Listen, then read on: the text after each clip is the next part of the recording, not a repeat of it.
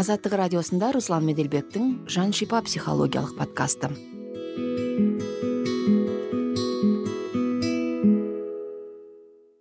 Сәлеметсіз бе бұл азаттықтың жан шипа психологиялық подкасты? Сіздермен бірге подкасттың жүргізушісі әрі авторы руслан меделбек. Бүгінгі эпизодта невроз туралы сөз қозғамақпыз. Бұл қандай диагноз? Неврозға не себеп болады? Симптомдары қандай? Неврозды қалай алдын аламыз. Міне бұл сауалдарды психотерапевт дәрігер клиникалық психолог абылайхан рысдәулетпен талқылаймыз. Абылайхан подкастымызға қош келдіңіз. Қайырлы күн руслан. Абылайхан рысдәулет дәрігер психотерапевт клиникалық психолог полиграфолог педагогика және психология магистрі шекаралық бұзылыстар невроз депрессия суицидті алдын алу мәселелерімен жұмыс істейді. Шымкент қаласында жеке психолог кабинетінде адамдарға кәсіби көмек көрсетеді.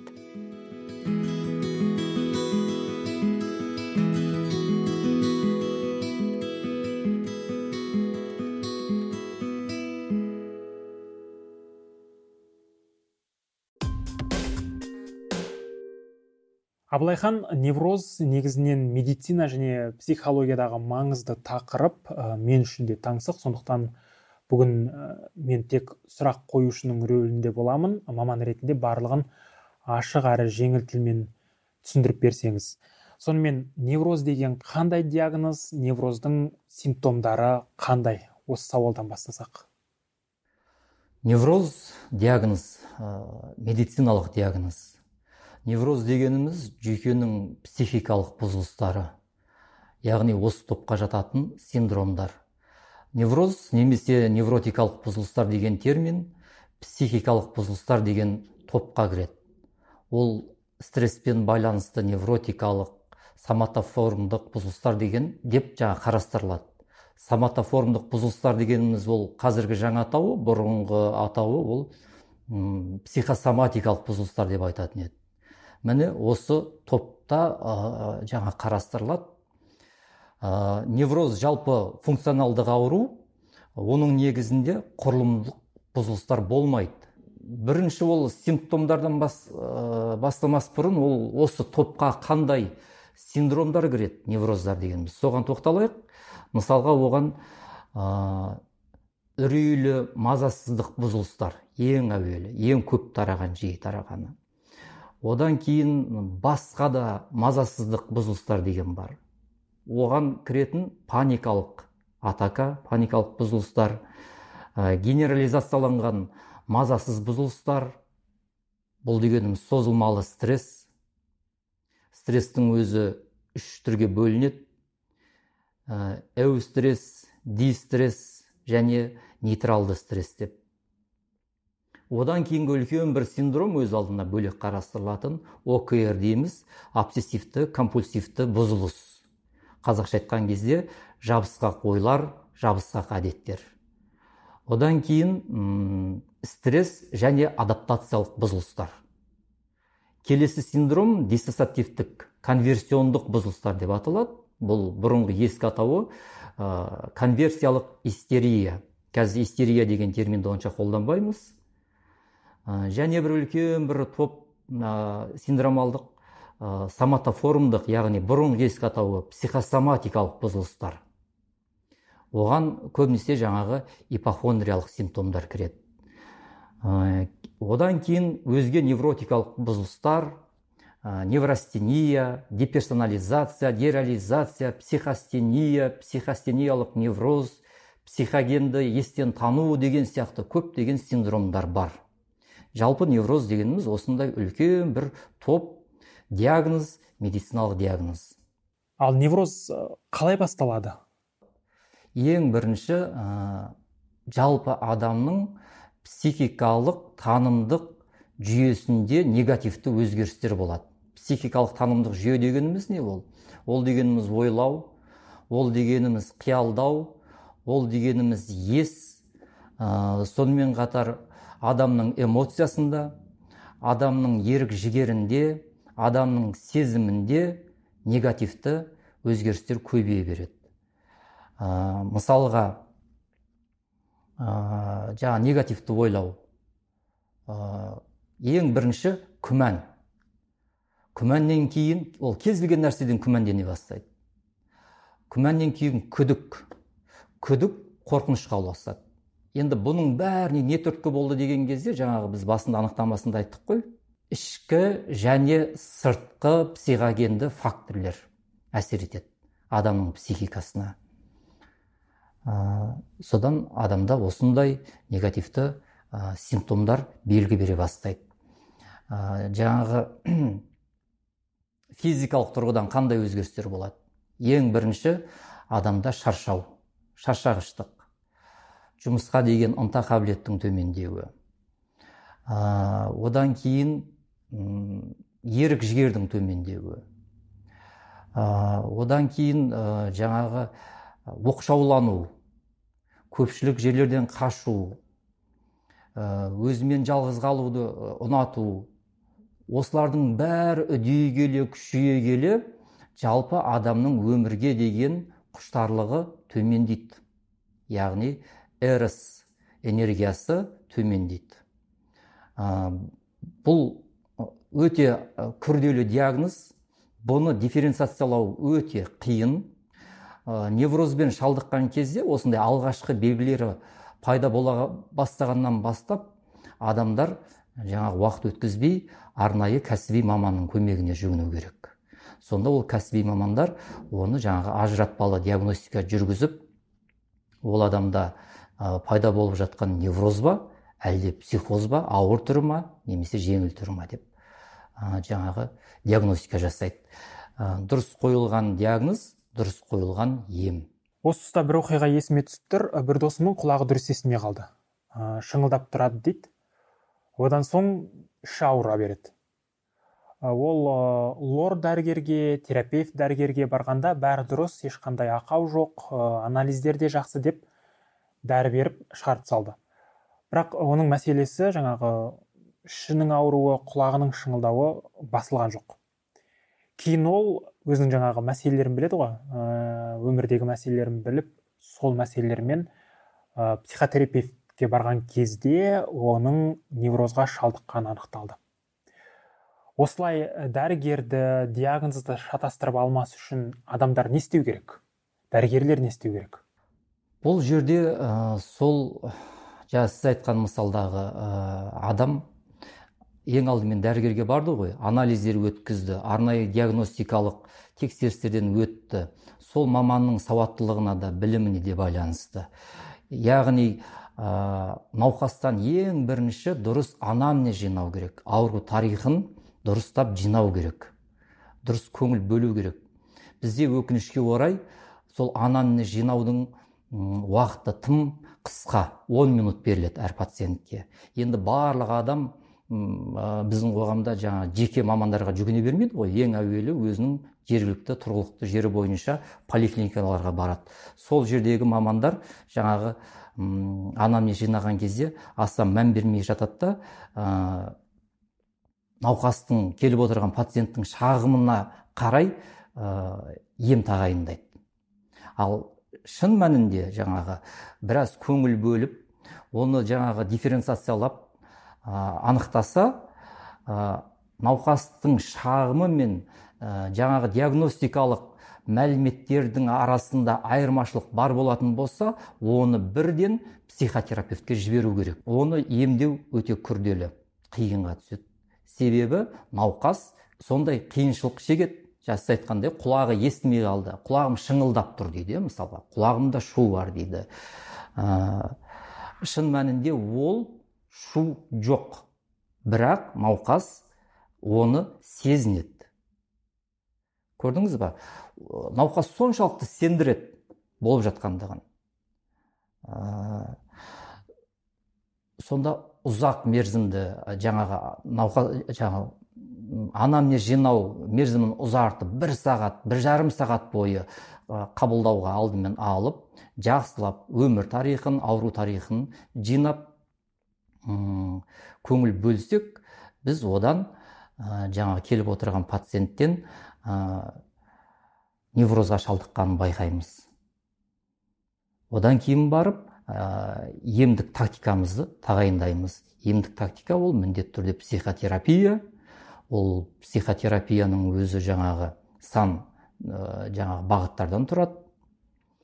Ә, психотерапияның өзі ә, біз науқасқа келген кезде жаңағы өзінің дәрежесіне шағымның ауырлық дәрежесіне қарай ә, ем тағайындаймыз. Медикаментоздық яғни фармакопсихиатрия дейміз. Одан кейін аралас медикаментоздық және классикалық психотерапия тәсілдерімен емдеу. Одан кейін таза классикалық психотерапия тәсілімен ғана емдеу. Осы үшеуін ұсынамыз. Және қайсысы тез әрі эффективті нәтиже береді. Соны ә, жаңағы назарға алу керек. Психотерапевт. А неврозға не себеп болады жалпы? Бәрі ішкі қайшылық. Одан кейін барып жаңағы сыртқы қайшылықтар сыртқы факторларға не жатады ол? Сыртқы факторларға ең алдыменен қарым қатынас қарым қатынас дегеніміз не? Ол да үлкен бір ауқымды түсінік. Бірінші адамдармен қарым қатынас ол дегеніміз ең жақын адамдар яғни отбасы ә, одан кейін жаңағы айналасы жұмыстағы қарым қатынас ә, адамның өзімен өзі қарым қатынасы егер адам жаңағы діндар болатын болса адам мен құдайдың арасындағы қарым қатынас егер атеист болатын болса адам мен табиғатқа деген қарым қатынасы осындай бұл невроздың түрі өте көп дедік қой. Соның ішінде жаңағы ноогенді невроз деген ұғым бар. Ноогенді невроз ол рухани күйзеліс. Бір адам экзистенциялық вакуумге түсіп кетеді. Яғни адам өмірдің мәнін іздеп кететін кездер болады. Ә, сөйтіп адам өзін жоғалтып алады мына өмірде. Ә, көп ізденеді. Кейде осы ізденістің арты адамдарды жаңағы тура жолдан тайдырып жіберіп түрлі радикалды ағымдарға шейін алып баруы мүмкін. Ал білікті психотерапевт маман оны жаңағы ноогенді невроздан шығарады. Ноген невроздан шығаратын психотерапияның үлкен бір тармағы бүгінгі таңда ол логотерапия дейміз иә соны қолдану арқылы жаңа неврозды емдеу қиын деп айтып қалдыңыз иә. Ә, емдом процесі қалай жүреді? Бұл ә, диагнозды тек психотерапевт қана емдей ме? Әлде басқа да дәрігерлер араласа ма? Ең бірінші ә, психотерапевт маманның дәрігер болғаны дұрыс. Себебі неврозға шалдыққан адамдарда тек қана психикалық ә, жаңағы ауыртпашылықтар проблемалар ғана емес физикалық проблемалар қоса қатарласып жүреді ғой. Ол бірінші өзінің денсаулығына шағымданады. Сондықтан ә, дәрігер психотерапевт бірінші кезекте ә, психосоматикалық жаңағы шағымдарына аса көңіл бөлу керек. Оны біз ә, жаңағы жүрегім ауырып келді деген адамды психотерапевт келген адамды сен неврозсың деп оны бас салып емдей бермеу керекпіз. Оны міндетті түрде кардиологқа жіберу керекпіз. Оны кардиологиялық тексерістерден өткізу керекпіз. Сосын оның мәліметтерін алып келеміз. Жаңағы жүректің узиі экг сын кардиологтың берген жаңағы қорытындысына қарап егер ода жаңа диагностикалық ә, зерттеу нәтижелерінде бәрі дұрыс болатын болса онда психотерапевт алдына келіп отырған пациентте кардионевроз екендігін анықтайды. Көрдіңіз ба? Оның жүрегі неге ауыр ауырып жүр? Яғни оның жүрегіне салмақ түсті. Салмақ дейміз ғой ол. Ол салмақ ең бірінші қайда түсті? Салмақ ол жүрекке түспейді. Ең бірінші ол жаңағы психика миға түседі. Ал адамның физикалық денсаулығында қай жерінде кінәрат бар сол жері бірінші белгі беріп ауырады. Жалпы неврозға шалдыққан адамдардың ең бірінші мына топтап жіктеп айтқан кезде ә, бұзылысқа ұшырайтын жаңағы жүйелер дейміз ғой. Ең бірінші жүйке жүйесі ә, нашарлайды. Одан кейін жүрек қан тамыр жүйесі одан кейін ас қорыту жүйесі де жаңағы белгілер пайда бола бастайды. Жай ғана ауырсыну өзін дискомфорт сезінуден бастап күрделі диагноздарға шейін ұласып кетуі мүмкін. Шынымен жаңа құлағының естімей қалуы деген сияқты. Иә ол белгілі бір уақытта естімей жүреді бірақ оның жаңағы есту аппаратында бір органикалық бұзылыстар болмайды. Бұл функционалдық бұзылыстар. Соны психотерапевт орнына қалпына келтіру керек. Жаңағы жүрегіндегі шаншу. Диагностикалық мәліметтерге қарайды жүрек қан тамыр жүйесінде ешқандай ақау жоқ бірақ жаңағы келіп отырған пациент деп айта берейік. Бірақ психотерапевттер клиент деп атайды иә. Сол пациент ұм, жүрек тұсындағы ауырсынуды неге жиі сезінеді? Соған мән береміз. Ә, қандай жағдай оның жүрегін ауыртып жүр? Тағы да анамнез ғой бұл жерде. Осы тұста неврозға шалдыққан адамның әрекеттерін өзін ұстауын ә, көңіл күйін жағдайын сипаттап көрсек қандай болады? Мысалға айтайықшы ә, менің қабылдауыма клиент келді. Демала алмай қалам дейді тұншығып қалам. Және жүрегім ауырады дейді. Сөйтіп бармаған дәрігері жоқ. Ол пульмонологқа да барды терапевттен бастайды ғой бірінші. Терапевттен бастап пульмонологқа барды одан кейін жаңағы ә, кардиологқа барды эндокринологқа барды. Бәріне бәріне барып айналып келіп бір дәрігер айтқан сіз психотерапевтке барып көрініңізші деп. Сонда ол науқас а, жаңағы пациентіміз тұншығып қала береді. Мен көз алдымда ентігіп қалады тұншығып қалады. Сұрақ қойсаң жаңағы дем жетпейді. Анамнез жинау барысында ол кісінің ұзақ мерзімді стрессте жүргендігі соның ішіндегі дистресске шалдыққанын анықтадым. Дистресс дегеніміз не ол стресстің негативті түрі яғни оның физикалық денсаулығына кері әсері.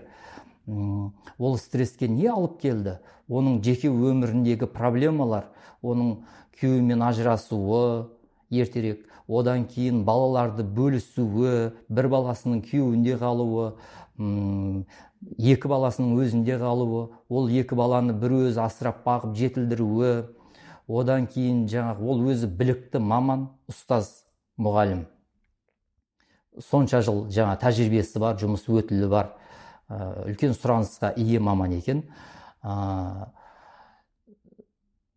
Оған жаңағы өмірдегі шаршау жалақының аздығы тұрмыстық қиыншылықтар көрдіңіз ба ол стресс факторлар деп тұрмыз ғой с факторлар. ә, бұның бәрі жаңағы сыртқы факторлар болып есептелінеді.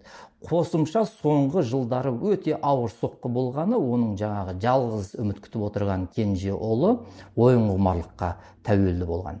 Сөйтіп ойын құмарлыққа салынып оның жаңағы қарызға әбден батырған. Сөйтіп ол өзінің зейнетке деп жинап жүрген 15 миллионнан ә, жаңағы төлеп құтылады баласының қарызын. Онымен ол бала тоқтамайды.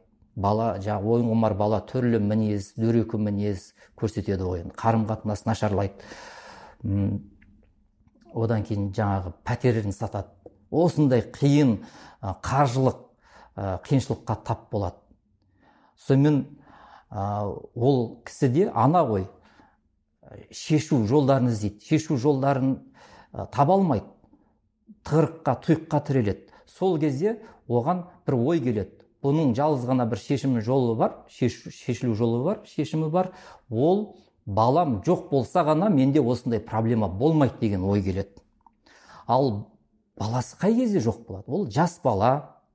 Ол ә, тәуелдімін деп өзін санамайды өз өзіне есеп бермейді ә, жаңағы қарыз үстіне қарыз жамай береді. Мен бұны айтып түсіндіре алмадым емдей алмадым бұған ешкім көмектесе алмады деп бұдан өлсе ғана құтылам деген негативті ой келеді. Көрдіңіз ба психикалық процесс ойлау қалыпты жағдайда ол өзінің баласын өлтірем деген ой келмейді ғой адамға оның үстіне анаға. Ол өзінің жаңағы ә, кенже ұлын өлтірсем ғана осы проблемадан құтылам деген ой келеді. Сонда сол ой келген кезде оның жүрегі шаншиды өз ойынан өзі шошып ә, жаңағы тұншығып қалады. Дем жетпей қалады. А неге тұншығады? Ә, сонда оны өлтірудің жолдарын қарастырған ғой. Ол өте сауатты маман.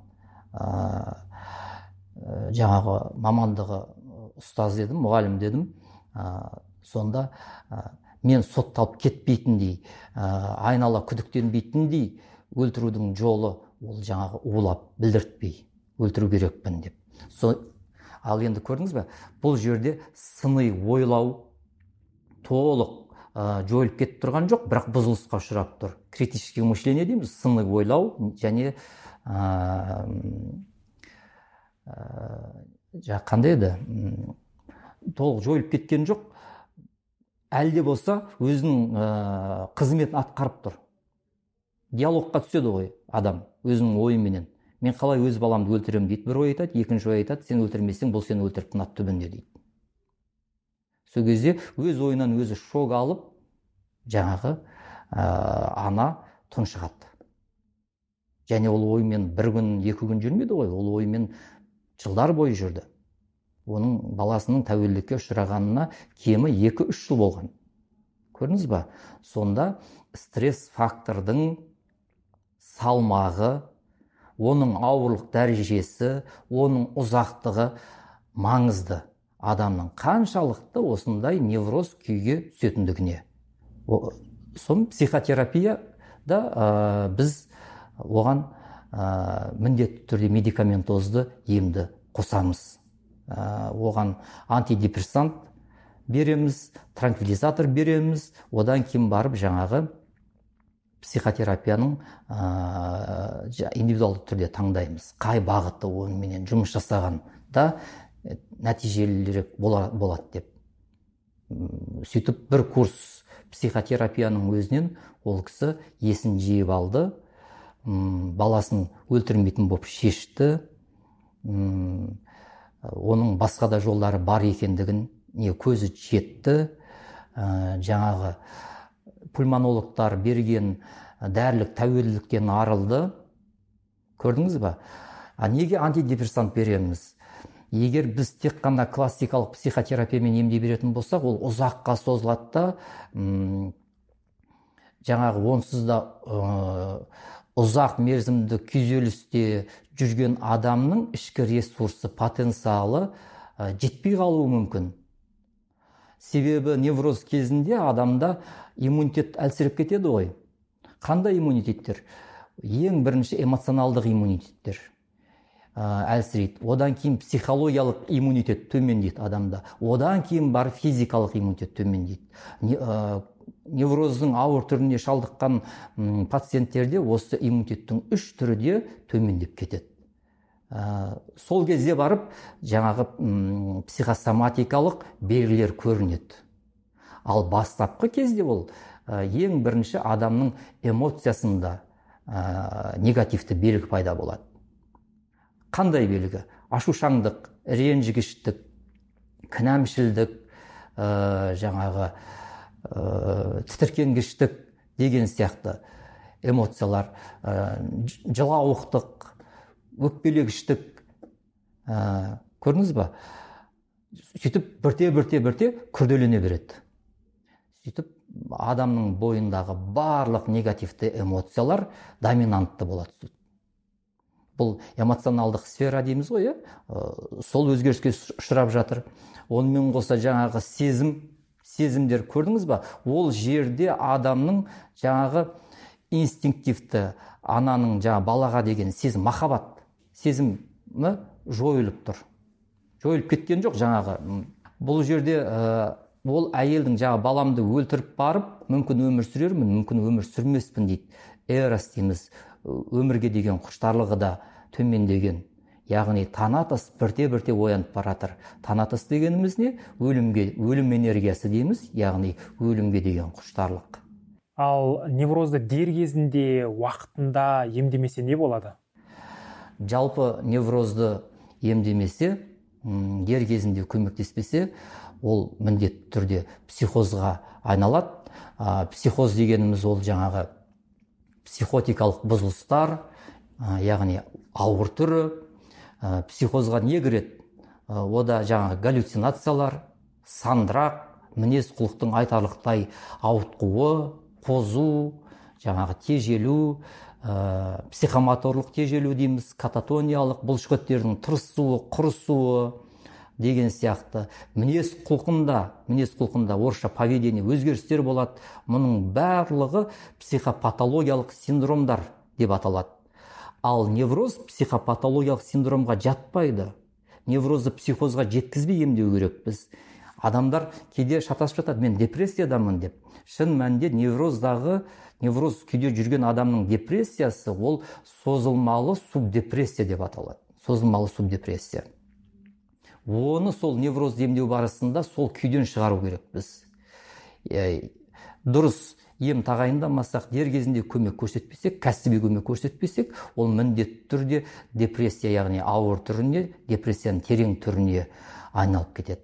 А депрессия дегеніміз күрделі психикалық диагноз. Оның соңғы нүктесі ә, жаңа психикалық ауытқушылық немесе суицидке келіп соқтырады. Қазақстандағы қазіргі жағдай қандай? Неврозға шалдыққан адамдар көп пе елде? Біздің қазақстан әлем бойынша осы суицидтен ең алдыңғы орын алады. Ә, бұл нені көрсетеді? Барлық ә, біздің қазақстанда психикалық ауытқушылық көбейіп кетті деген сөз емес қой. Яғни біздің елімізде неврозбен ауыратын адамдар көбейді деген сөз. Яғни неврозға алып келетін факторлер көбейді деген сөз. Не алып келе жатыр. Қандай факторлер өте көп жан жақтан тарқатып айтуға болады. Жаңағы ең бірінші адамның тұлғалық қасиеттері. Ол ә, неврозға депрессияға адам түспейді.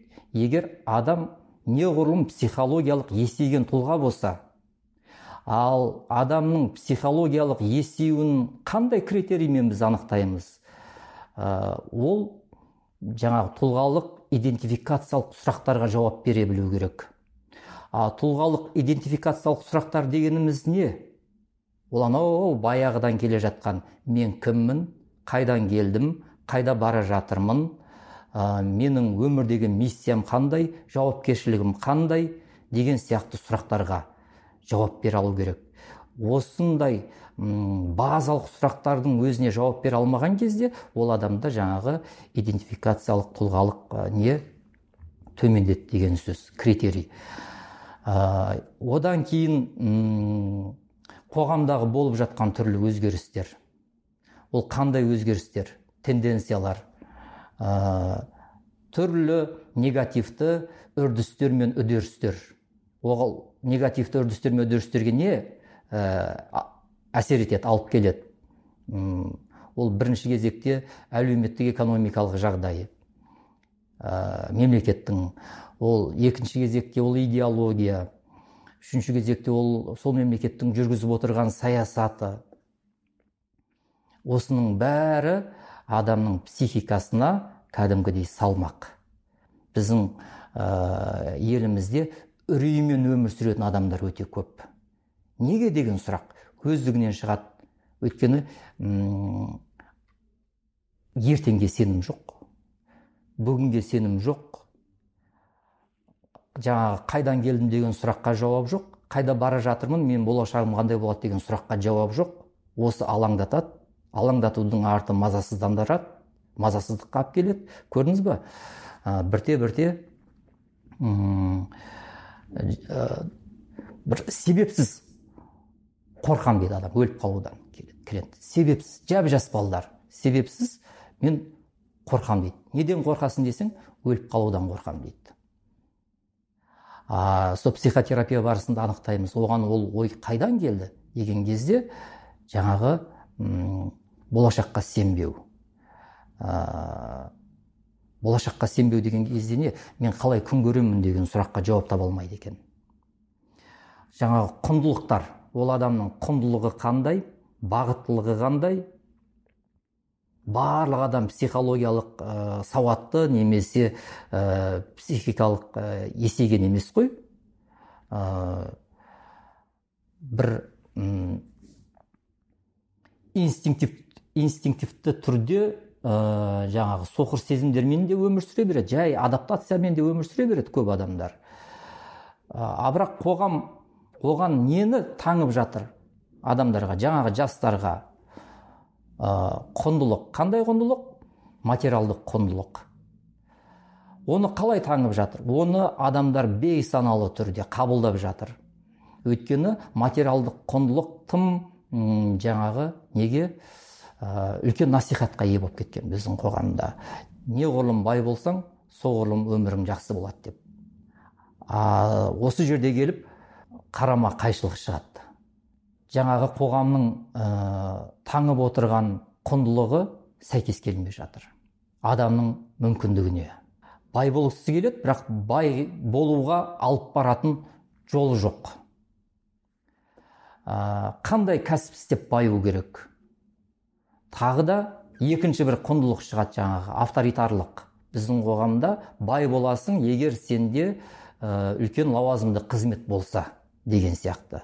Ал лауазымды қызмет 20 миллион адамның бәріне жете бермейді ғой. Көрдіңіз ба? Ә, сөйтеді ертерек баюдың жолын қарастыра бастайды бейсаналы түрде. Ертерек баю үшін байиын десек кәсіп жоқ. Кәсіп жоқ. Мамандық жоқ. Ә, біздің жаңағы қазақстандағы барлық мамандықтарды мен өзім айтам мемлекеттік қызметкерлер деп. Мемлекеттік қызметкерлер дегеніміз тек қана мемлекеттік қызметші емес мемлекеттен айлық жалақы алатын бюджеттік қызметкерлердің бәрін мемлекеттік қызметкерлер деймін. Олардың бәрінде бейсаналы үреймен өмір сүреді. Себебі жалақысы аз барлығы дерлік кредитте барлығы дерлік әлеуметтік жағдайы төмен. Бұның бәрі созылмалы стресске алып келетін факторлер. Енді үйдегі ата ананың көңіл күйін оның ә, жаңағы физикалық ә, психикалық жағдайын ә, күніге көріп жүрген жас бала тез баюдың тез ақша табудың болмаса мына қоғамда өзінің орнын тұлғалық орнын тез табу үшін не істейді? Амал қарастыра бастайды ғой. Сөйтсек сол ізденісіне сұраныс дайын тұр. Ойынханалар ойындар жарнамасы өте көп. Тағы да ұсынып жатырмыз біз. Суицид көп екені иә жиі айтылып жүр ә, жазылып та жүр иә ә, талқыланып та жүр. Одан кейін ә, қазір кейінгі уақытта мынау қазақстанда ажырасу да көп екені сөз болып жүр. Неге ажырасып жатыр? Екі адамның қарым қатынасы нашарлады. Ол екі адамның қарым қатынасы неге нашарлайды? Себебі адамның өзімен қарым қатынасы нашарлап кеткен. Өзімен өзі қарым қатынасы нашарлаған адам басқа адаммен қалай ә, жаңағы ә, дұрыс қарым қатынас орнатады? Осыдан кеп ажырасу көп шығып жатыр. А, оған түрткі болатын факторлар тағы да жаңағы әлеуметтік экономикалық жағдайлар. А, сосын жаңағы тенденция дедік қой ол қалыпты норма болып саналып бара жатыр. Мүмкін ажырассақ әркім жеке басын асырай алатындай жағдайға жететін шығармыз деген сияқты. Бірақ оның бәрі мәселенің шешімі емес қайта керісінше күрделендіреді. Адамдардың халықтың жағдайын қиындатып жатыр. Соның ішінде бірінші кезекте психикалық денсаулық деген термин бар. Біздің халықтың бүгінгі таңда психикалық денсаулығы тым нашар. Сондықтан ең бірінші кезекте біз психикалық денсаулыққа көңіл бөлу керекпіз. Қандай нақты мысал келтіремін тағы? Келіншек келді. Ә, жас келіншек 15 жыл отасқан күйеуімен қарым қатынасы суыған соңғы 10 жылда. Табыстары аз кредиттері бар жалдамалы пәтерде жұмысы жоқ. Ә, өздері тапқан жұмыстарыменен күн көреді. Ә, ол қажытады күйеуін сөйтеді де күйеуі тағы да ойынға салынады. Бастапқыда араққа әуестенеді ішімдікке салынады. Одан кейін оны ойынға алмастырады. Ә, сосын жаңағы өмірге деген ынта қызығушылық төмендейді дедік қой. Ондай адамның жаңағы қарым қатынасы нашарлай бастайды оқшаулана бастайды. Өзінің туған әйелімен қарым қатынасы бұзылады. Сөйтеді де қарым қатынастар бірте бірте суып екеуінің арасында конфликт пайда болады. Ә, күніге дау жанжал үйде отбасылық кикілжің жетіспеушілік. Бұның бәрі факторлер ғой санамаласақ негативті фактор. Ә, сосын оның арасында жаңағы ә, физиологиялық қажеттілік деген нәрсе бар сексуалдық. Ол күйеуі барады да жаңағы жүріс жасайды. Ол қосымша үлкен соққы болып тиеді әйеліне. Әйелі сол мақсат жаңағы күйеуінен кек алу мақсатында барады да күйеуінің көзіне шөп салады. Көрдіңіз ба?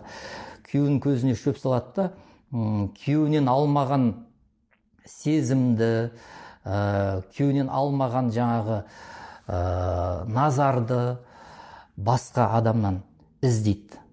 Басқа адам оған уақытша ғана ә, көмек сияқты.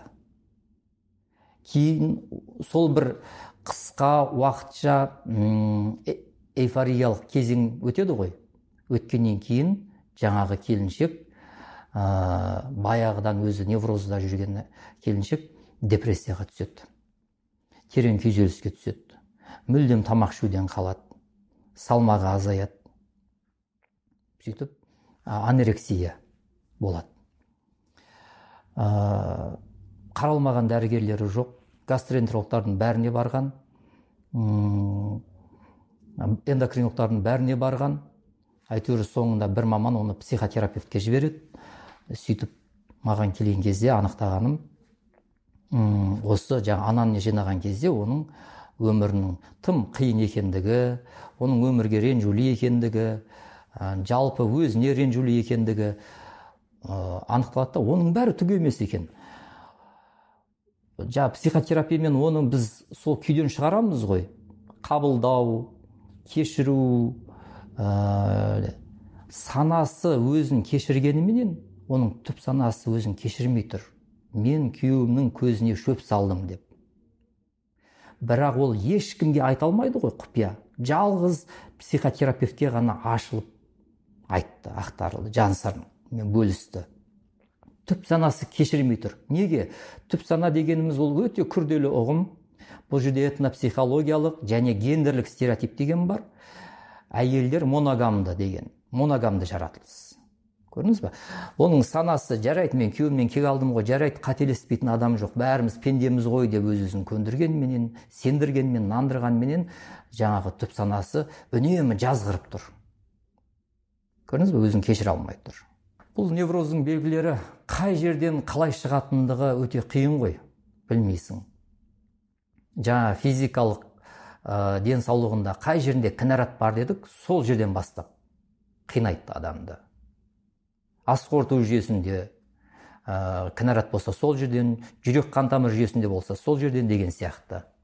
Әлеуметтік экономикалық саяси жағдай адам өміріне әсер етіп жатқан қоғамда невроздан сақтанудың алдын алудың қандай жолдары бар? Психологиялық сауатын арттыру керек. Әр адам. Ол дегеніміз не ол психикалық тұрғыдан есею керек. Анау бір маманның айтқаны бар ғой адам өмірге екі рет келеді. Біріншісі анадан туылған кезде екіншісі ә, жаңа психологиялық есейген кезде деп. Жолы бар. Әр адам өзінің өмірін өз қолына алу керек өз өміріне жауапкершілікпен қарау керек. Ә, мен айтам кейде бұл невроз дегеніміз айттық қой невроз дегеніміз мінез деп айтам характер. Себебі невроз кезінде жаңағы эмоционалдық сфера ерік жігер сферасы психикалық танымдық жүйеден бөлек адамның мінезі де мінезі де өзгереді. Одан кейін мінез құлқы өзгереді ол поведениесі өзгереді. Мінез құлқы дегеніміз не? Ол адамның өмірге деген көзқарасы адамның дүние танымы адамның іс әрекеті осының бәрі мінез құлқ. Ал ойынға тәуелділік араққа тәуелділік есірткіге тәуелділікті невроз деп қарастыруға бола ма? Иә барлық тәуелділіктер тәуелділік проблемалар олар невроз тобына кіргізсек болады. Ішімдікке тәуелділік есірткіге тәуелділік ойынға тәуелділік созависимость дейміз адамдардың бір біріне тәуелділік адамның жұмысқа деген тәуелділігі тәуелділік дегеніміз не? Адамның өз еркіндігінің болмауы. Еркін өмір сүре алмайды. Ә, еркін ойлай алмайды. Еркін ойлайын десе оған мүмкіндігі жоқ. Сондықтан біздің қоғамда еркін ойлы адамдар аз. Ә, ерекше ойлайтын өзіндік ойы бар адамдар аз. Жоқ емес бар. Бірақ жаңағы өз ойын еркін айтайын десе қоғам мүмкіндік бермейді. Өйткені ол адамда үрей бар қорқыныш бар. Ә, жұмыстан айырылып қаламын қызметтен айырылып қаламын. Ә, немесе жазаға тартыламын деген сияқты. Көрдіңіз ба? Бұның бәрі үрей ғой. Ал енді осы үрей деген нәрсені қорқыныш деген нәрсені енді қорқыныш жеңіл түрі үрей күрделі түрі деп қарастырамын мен өзім. Үрейді келіп отырған клиенттің үрейін қазбалай берсек қазбалай берсек біздің генетикалық жадымызға келіп тірелеміз. Генетикалық жадымыз біздің өте үрейге толы халықпыз. Өйткені сан ғасырлық тарихымыздың да оған қосқан әсері бар ықпалы бар. Қорқынышта өмір сүріп жатқан халықпыз ә, енді ондан шығу жолы қалай дедік?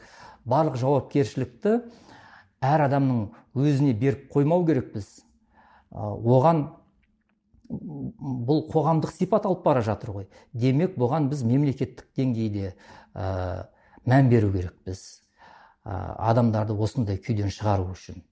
А маған кейде көрінеді қайта керісінше осындай күйге түсіруді насихаттайтын сияқты болып.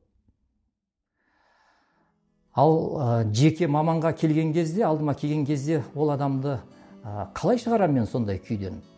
Мен айтам әлем хаосқа толы болса да сен өз оазисіңді жаса жан дүниеңде. Сен өз әлеміңді жаса сен бірінші сен өзің ішкі әлеміңді ретте дейміз. Рахмет абылайхан. Осымен жаншипаның кезекті эпизоды тәмам. Осыған дейінгі эпизодтарымызда біз көптеген психологиялық мәселелерді талқылағанбыз. Барлық эпизодымызды азаттықтың YouTube каналынан Apple подкасттан Google подкасттан және азаттықтың сайтынан тыңдай аласыздар. Жаншипаның авторы әрі жүргізушісі мен руслан меделбек аудио редакторы елдар құдайбергенов. Жүректеріңіз бен жан дүниелеріңізге тыныштық тілейміз. Сау болыңыздар.